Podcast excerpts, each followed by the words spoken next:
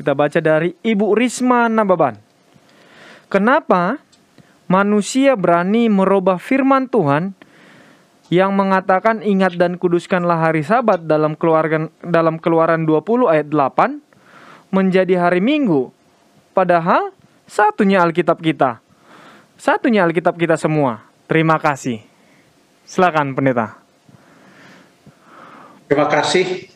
Uh, saya senang caranya Jeffrey membaca pertanyaan tersebut uh, bahwa satu Alkitab, tapi mengapa ada dua atau tiga atau mungkin beberapa penerapan berdasarkan apa yang tertulis di dalam Alkitab. Keluaran pasal 20 ayat yang ke-8 tadi disebutkan, boleh dibaca ayatnya? Kita buka pendeta. Ya.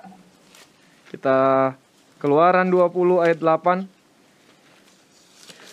Ingat dan kuduskanlah hari Sabat Terima kasih. Ingatlah dan kuduskanlah hari Sabat. Lalu ada pertanyaan, mengapa ada yang berani mengubah dari hari yang ketujuh kepada hari yang pertama? Ya. Uh, kalau ditanya dari mana keberanian itu datang, kenapa manusia berani? Ya saya kurang tahu juga mengapa sampai ada keberanian seperti itu. Tapi Alkitab memang sudah menyebutkan bahwa itu akan terjadi. Itu akan terjadi. Karena di dalam Daniel pasal yang ketujuh ayat yang ke-25, ini suatu ayat yang uh, menggambarkan makna dari suatu penglihatan yang dilihat oleh Daniel dan penglihatan yang dilihat oleh Daniel itu menurut Daniel pasal yang ketujuh adalah ada empat binatang yang muncul satu persatu. Yang pertama, yang kedua, yang ketiga, dan yang keempat. Nah, pemirsa boleh baca saja itu panjang di dalam Daniel pasal yang ketujuh. Saya hanya membahas sedikit. Lalu kemudian uh, keempat binatang itu menurut Daniel pasal 7 ayat yang ke 17 binatang-binatang besar yang empat ekor itu ialah empat raja yang akan muncul dari dalam bumi. Empat raja yang akan muncul dari dalam bumi. Bukan hanya raja tetapi kerajaan. Dari mana kita tahu? Karena tadi ada empat binatang kan?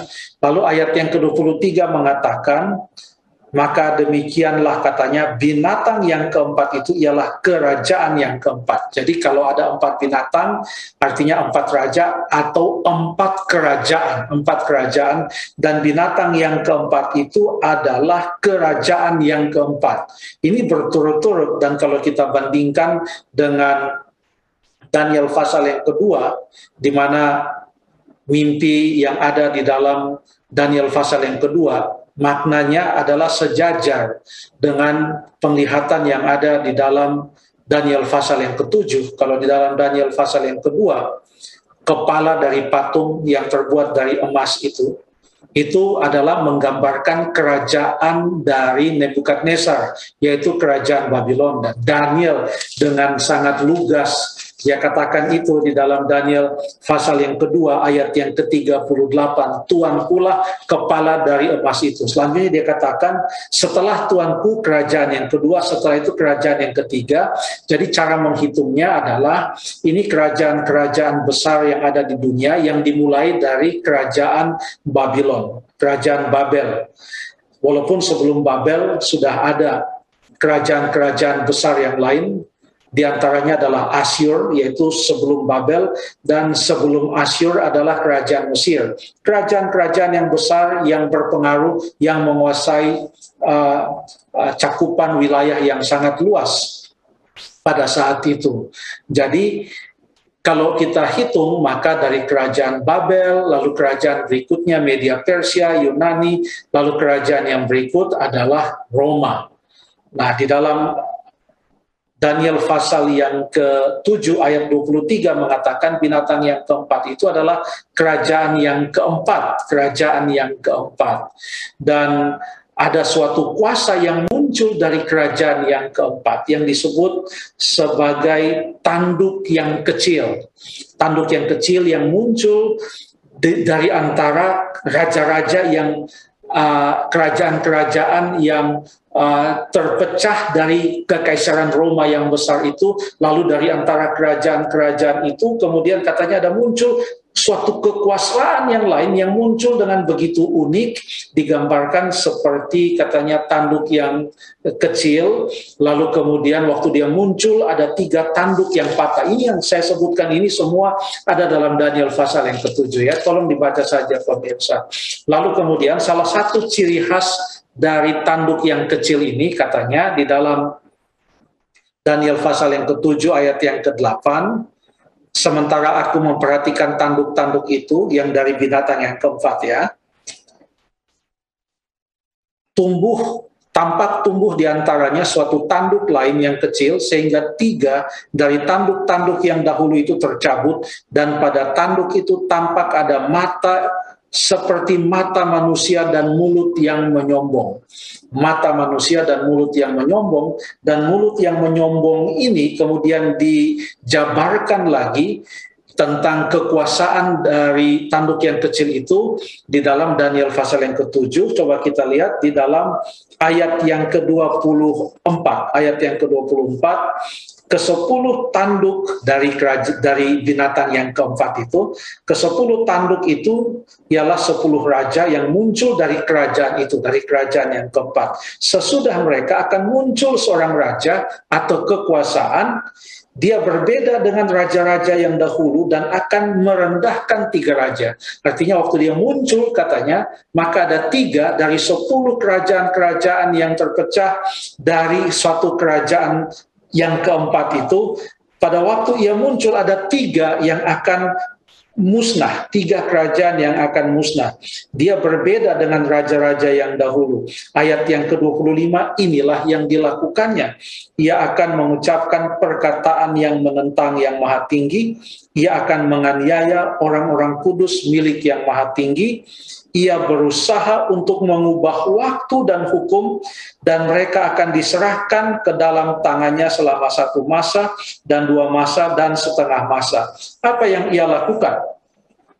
Ia berusaha mengubah waktu dan hukum atau mengubah waktu yang ada kaitannya dengan hukum berbicara tentang 10 perintah Tuhan, maka ada satu hukum di sana atau perintah yang ada kaitannya dengan waktu, yaitu perintah yang keempat.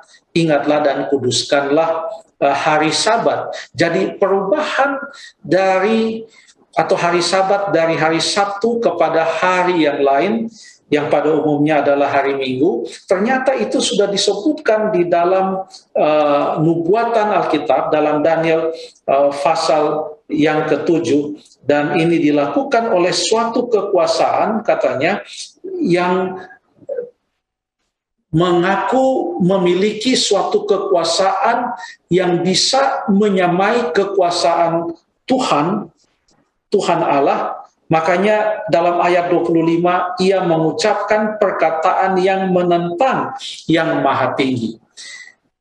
Apa pun itu bagaimanapun itu terjadi mungkin sejarah yang telah berbicara dan menyatakan kepada kita kalau kita mau belajar sejarah tentang apa yang terjadi di zaman lampau, melihat kembali mengapa di zaman perjanjian baru umat Kristen semuanya menguduskan hari yang ketujuh, hari Sabtu, hari Sabat, termasuk Tuhan Yesus sendiri menguduskannya. Ada catatan dalam Lukas 4:16. Tapi sementara waktu berjalan, mengapa sampai ada transisi dari hari yang ketujuh, kemudian ada banyak yang menguduskan jadi hari yang pertama. Bagaimanapun itu terjadi, saya mengundang kita untuk coba membaca tentang sejarah gereja. Mengapa perubahan itu terjadi.